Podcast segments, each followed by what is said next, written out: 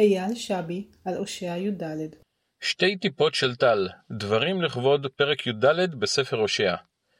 פעמיים במהלך נבואותיו מלין הושע על כך שישראל הוא כענן בוקר וחתל משקים הולך, בקשריו עם הקדוש ברוך הוא.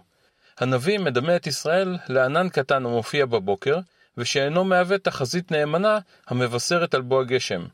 הנביא מוסיף ומדמה את ישראל לטל, שאולי מלכלח את האדמה החרבה, אך ודאי שאינו יכול להרוות את הצמחים הצמאים.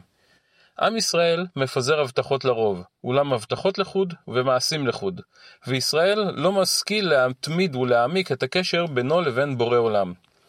והנה, בפרק האחרון מבטיח הקדוש ברוך הוא כי לאחר שישראל ישובו אליו, אהיה כטל לישראל, יפרח כשושנה, ויח שורשיו כלבנון. מה נשתנה? מדוע בדבריו של הקדוש ברוך הוא, הפעם קיים לטל הקשר חיובי? כיצד הטל של הקדוש ברוך הוא מסוגל להביא לשגשוגם של ארזי הלבנון? ההבדל נעוץ לטעמי בפסוק שקראנו לפני 12 פרקים. והרסתיך לי לעולם, והרסתיך לי בצדק, ובמשפט, ובחסד, וברחמים.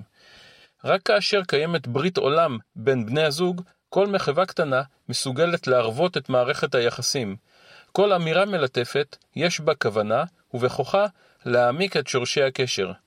הטל, אותו טל, האמירות, אותן אמירות, אולם כדי להפיק מהן תועלת אמיתית, נדרשת מערכת יחסים אמיתית, כנה ונאמנה, בין העם לאלוהיו, בין בני זוג, בין עובד למעביד, בין פקוד למפקד.